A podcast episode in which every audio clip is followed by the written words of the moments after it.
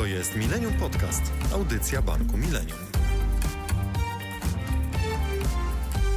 W dzisiejszej audycji o zmianach w rozliczaniu tzw. Tak podatku belki, co oznaczają one dla osób, które inwestują pieniądze w TFI. Krzysztof Kurek, zapraszam na Millennium Podcast. 1 stycznia weszły w życie znowelizowane przepisy ustawy o PIT. Zmieniły się zasady rozliczania tzw. Tak podatku belki. Możliwa jest teraz kompensacja zysków i strat z funduszy inwestycyjnych z innymi instrumentami. Dla klientów TFI oznacza to konieczność samodzielnego rozliczenia podatku. W Millennium Podcast porozmawiamy właśnie o tym. Ze mną w studiu Janusz Płaszczuk, dyrektor Departamentu Podatkowego Banku Millennium.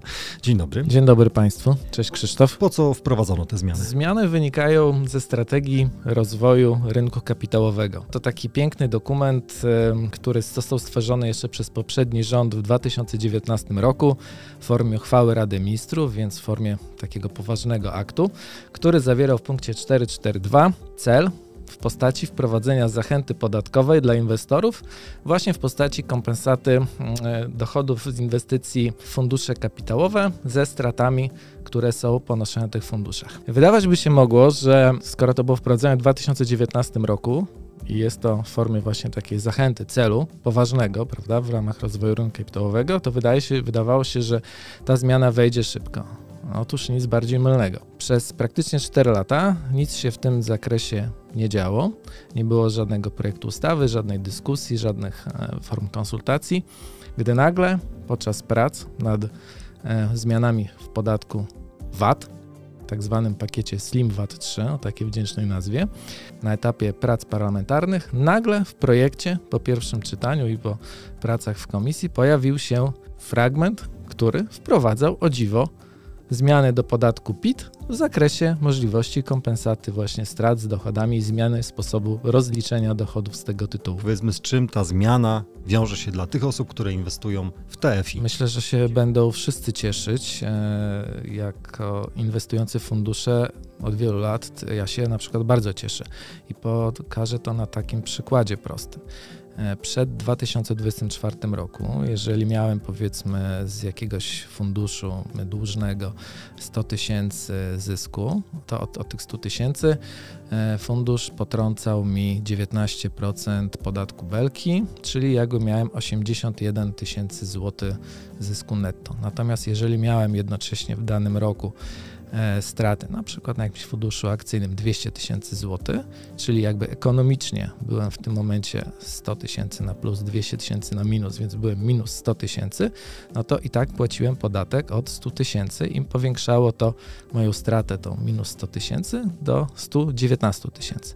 Natomiast teraz nie będę płacił 19% e, podatku od tych 100 tysięcy, czyli jak mam stratę ekonomiczną właśnie na 100 tysięcy, to mam ją na 100 tysięcy i mam możliwość skompensowania tej straty o dochody moje, które osiągnę w pięciu następnych latach. A czy wierzymy, że ta zmiana jest w stanie przyciągnąć do inwestowania w fundusze tych, którzy nie inwestowali do tej pory? Trudno im powiedzieć, bo myślę, że e, na koniec dnia każdy patrzy na poziom ryzyka i zaufania w inwestycje w fundusze. Natomiast niewątpliwie od strony podatkowej zniknęła taka bariera do inwestowania w postaci tego, że nie można było kompensować strat z dochodami. Oczywiście jest też nadzieja, że być może wkrótce, jeśli chodzi o inwestycje kapitałowe, pojawi się też możliwość e, kompensowania tych, e, jakby łączenia tych wszystkich dochodów, strat z inwestycji kapitałowych, czyli mam na myśli tu też odsetki, bo na razie odsetki pozostają opodatkowane tak jak były do tej pory, czyli ryczałtowo 19% podatkiem belki, ale być może w ramach kolejnych konkretów nowej ekipy rządzącej pojawi się taki postulat i taka zmiana legislacyjna, żeby po prostu wszystkie faktycznie inwestycje kapitałowe można było kumulować i opodatkować od rzeczywistego zysku ekonomicznego. A jak rozliczyć teraz podatek z funduszy inwestycyjnych? Analogiczny sposób, tak jak w przypadku dochodów z akcji, tak? Czyli otrzymamy PIT 8C, przedstawi nam ją ten fundusz który mamy te jednostki uczestnictwa, a ściślej w zasadzie to jest agent transferowy, który przygotowuje całą tą buchalterię, a jeszcze bardziej ściśle system informatyczny, który po odpowiednim oprogramowaniu przygotuje te informacje PIT-8C i one będą zawierały informacje właśnie o wyniku podatkowym, czyli dochodzie albo straty z tytułu naszych inwestycji na jednostkach uczestnictwa, które uległy właśnie odkupieniu, umorzeniu w danym roku podatkowym. Mówisz, że to jest zmiana korzystna dla podatników. Zakładam, że niektórzy inwestują nieco większe sumy niż przeciętny Kowalski. I co jeśli mają dużą stratę? Tu pojawia się właśnie ta e, korzyść.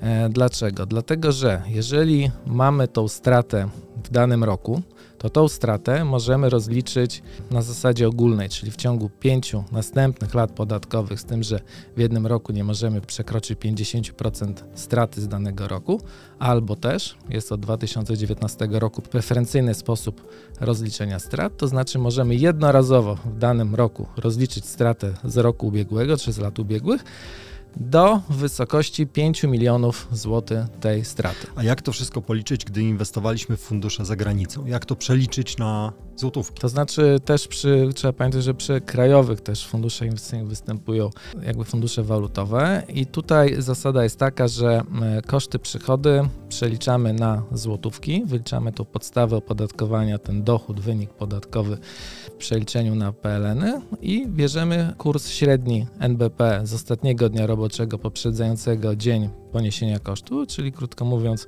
nabycia tych jednostek uczestnictwa tudzież poniesienia opłat manipulacyjnych, bo też należy pamiętać, że naszymi kosztami które możemy uwzględniać w wyniku podatkowym, są też poniesione opłaty manipulacyjne przy nabyciu albo przy odkupie jednostek uczestnictwa.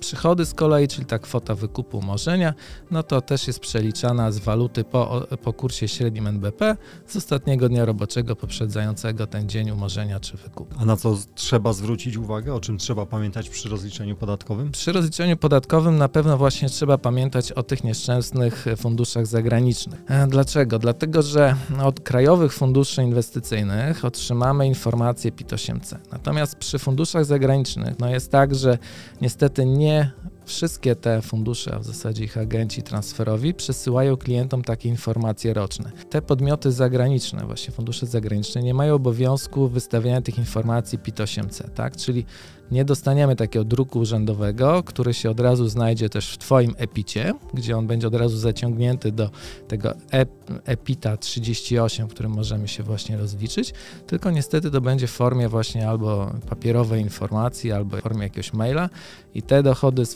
funduszy zagranicznych. Trzeba pamiętać, że trzeba też ująć razem e, w jednym rozliczeniu z tymi krajowymi funduszami. Trzeba to wszystko ująć w jednym, więc o tym e, trzeba na pewno pamiętać. Natomiast e, to, co bym naszym tutaj słuchaczom polecał osobiście, jako tutaj też człowiek, który się rozlicza z podatków, to to, żeby właśnie korzystać z tego Twojego EPITA. Jeżeli inwestujemy w te krajowe fundusze inwestycyjne, no to tutaj bym zalecał właśnie korzystanie z Twojego EPITA. Jest tam od razu automatycznie wyliczenie.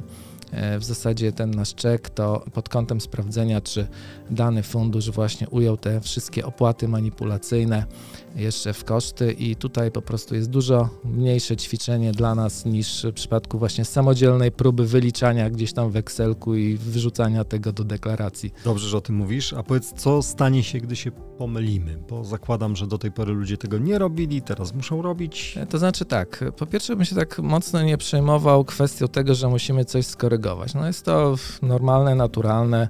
Podstawową jakby zasadą przy rozliczeniach podatkowych jest to, żeby nie zapomnieć wysłać tą deklarację. Zawsze się może zdarzyć, że się gdzieś pomylimy, zawsze się może zdarzyć, że zapomnimy, jeżeli mamy wiele inwestycji o jakimś funduszu zagranicznym, że z niego gdzieś nie wzięliśmy. Nie przejmujmy się, spokojnie korygujmy te informacje, wysyłajmy. Oczywiście jest ryzyko, że możemy ponieść w związku z tym karę, bo po prostu wysłaliśmy deklarację, która wykazywała jakby nieprawidłową kwotę dochodu. Gdzieś mieliśmy jakieś zaniżenie podatkowe, no ale trzeba po prostu to spokojnie skorygować i dopóki urząd sam nas nie wezwie do tego, że zauważył jakieś błędy, braki albo że jakieś nie ujęliśmy jakichś dochodów zagranicznych, no to w tym momencie e, ta korekta sama deklaracji wystarczy do tego, żeby już tu uniknąć problemów e, z fiskusem i ewentualnych kar. No ale jak rozumiem, są jakieś kary pewnie, jakieś sumy, jakieś kwoty. Możesz podać jakieś szacunki? Jest się czego bać? No, oczywiście, kwoty mogę podać. Nie lubię straszyć, ale no jak chcesz te kwoty, to, to podam.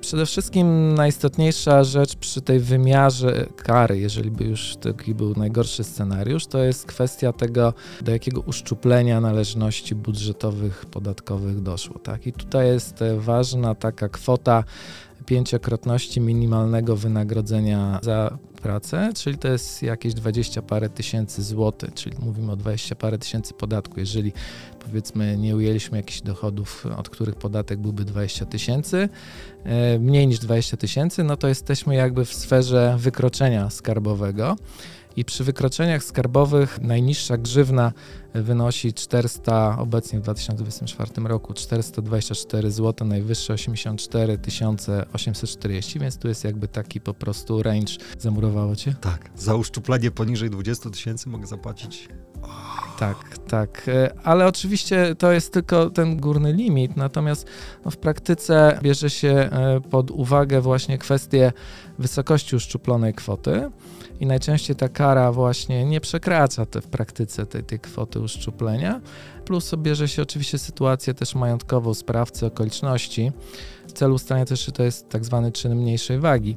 E, więc powiedziałbym, że jeżeli byśmy właśnie mieli to uszczuplenie na jakieś 20 tysięcy złotych, no to bym tak e, powiedział, że ta potencjalna grzywna pewnie by była gdzieś właśnie w okolicach tej kwoty. Natomiast jeżeli już mamy te powyżej 20 tysięcy uszczuplenie, no to można się zacząć bać, bo no tutaj wchodzimy już w sferę mm, naprawdę dużych kar. Te kary grzywny są do 7, mm, 720 stawek dziennych, co się przekłada na jakieś 30 parę milionów złotych. Tutaj oczywiście też znowu podkreślam, że to nie jest tak, że za 30 tysięcy uszczuplenia dostaniemy 33 miliony kary, natomiast no jakby tutaj się robi taki, taki ten górny limit grzywien, no i oczywiście oczywiście, jeżeli to też jest powyżej, tam już bodaj 800 tysięcy złotych, to przekroczymy, wchodzimy też w sferę potencjalnej kary pozbawienia wolności. Może do ilu lat to nie powiem, żeby już nie stresować wszystkich. Dużo ludzi ma pytania w tej sprawie? Dużo ludzi na razie e, po stronie naszych doradców ma pytania, no bo to jest jakby naturalne, że najpierw doradcy chcą się też przeszkolić e, w tym zakresie, jak te zasady wyglądają, żeby tutaj później w rozmowach z klientami, którzy oczywiście będą pytać o to, no bo też czytają gazety i słyszeli o tych zmianach, żeby też byli przygotowani. Więc na razie mamy dużo pytań od od doradców. Myślę, że od klientów bliżej roku się pojawi. Jeśli ktoś jest zainteresowany, będziesz niebawem miał swój webinar. Tam może, jak rozumiem, zadać dodatkowe pytania w sprawie rozliczeń podatkowych. E, tak, oczywiście i też na tym webinarze e, postaram się przekazać e, dużo innych e, praktycznych wskazówek Państwu co do tego rozliczenia, czy też e, co do kwestii, o czym należy pamiętać przy tego typu inwestycjach. Zachęcamy do obserwowania kanałów e, social media Banku Millennium. Tam będzie czekało zaproszenie na ten webinar. Dziękuję Ci bardzo za rozmowę. Dziękuję Krzysztof, dziękuję Państwu. Zachęcam również do subskrypcji Millennium Podcast. Wiele ciekawych tematów przed nami. Audycja dostępna jest na najpopularniejszych platformach Apple Podcast, Google Podcast, Spotify oraz YouTube. Do usłyszenia.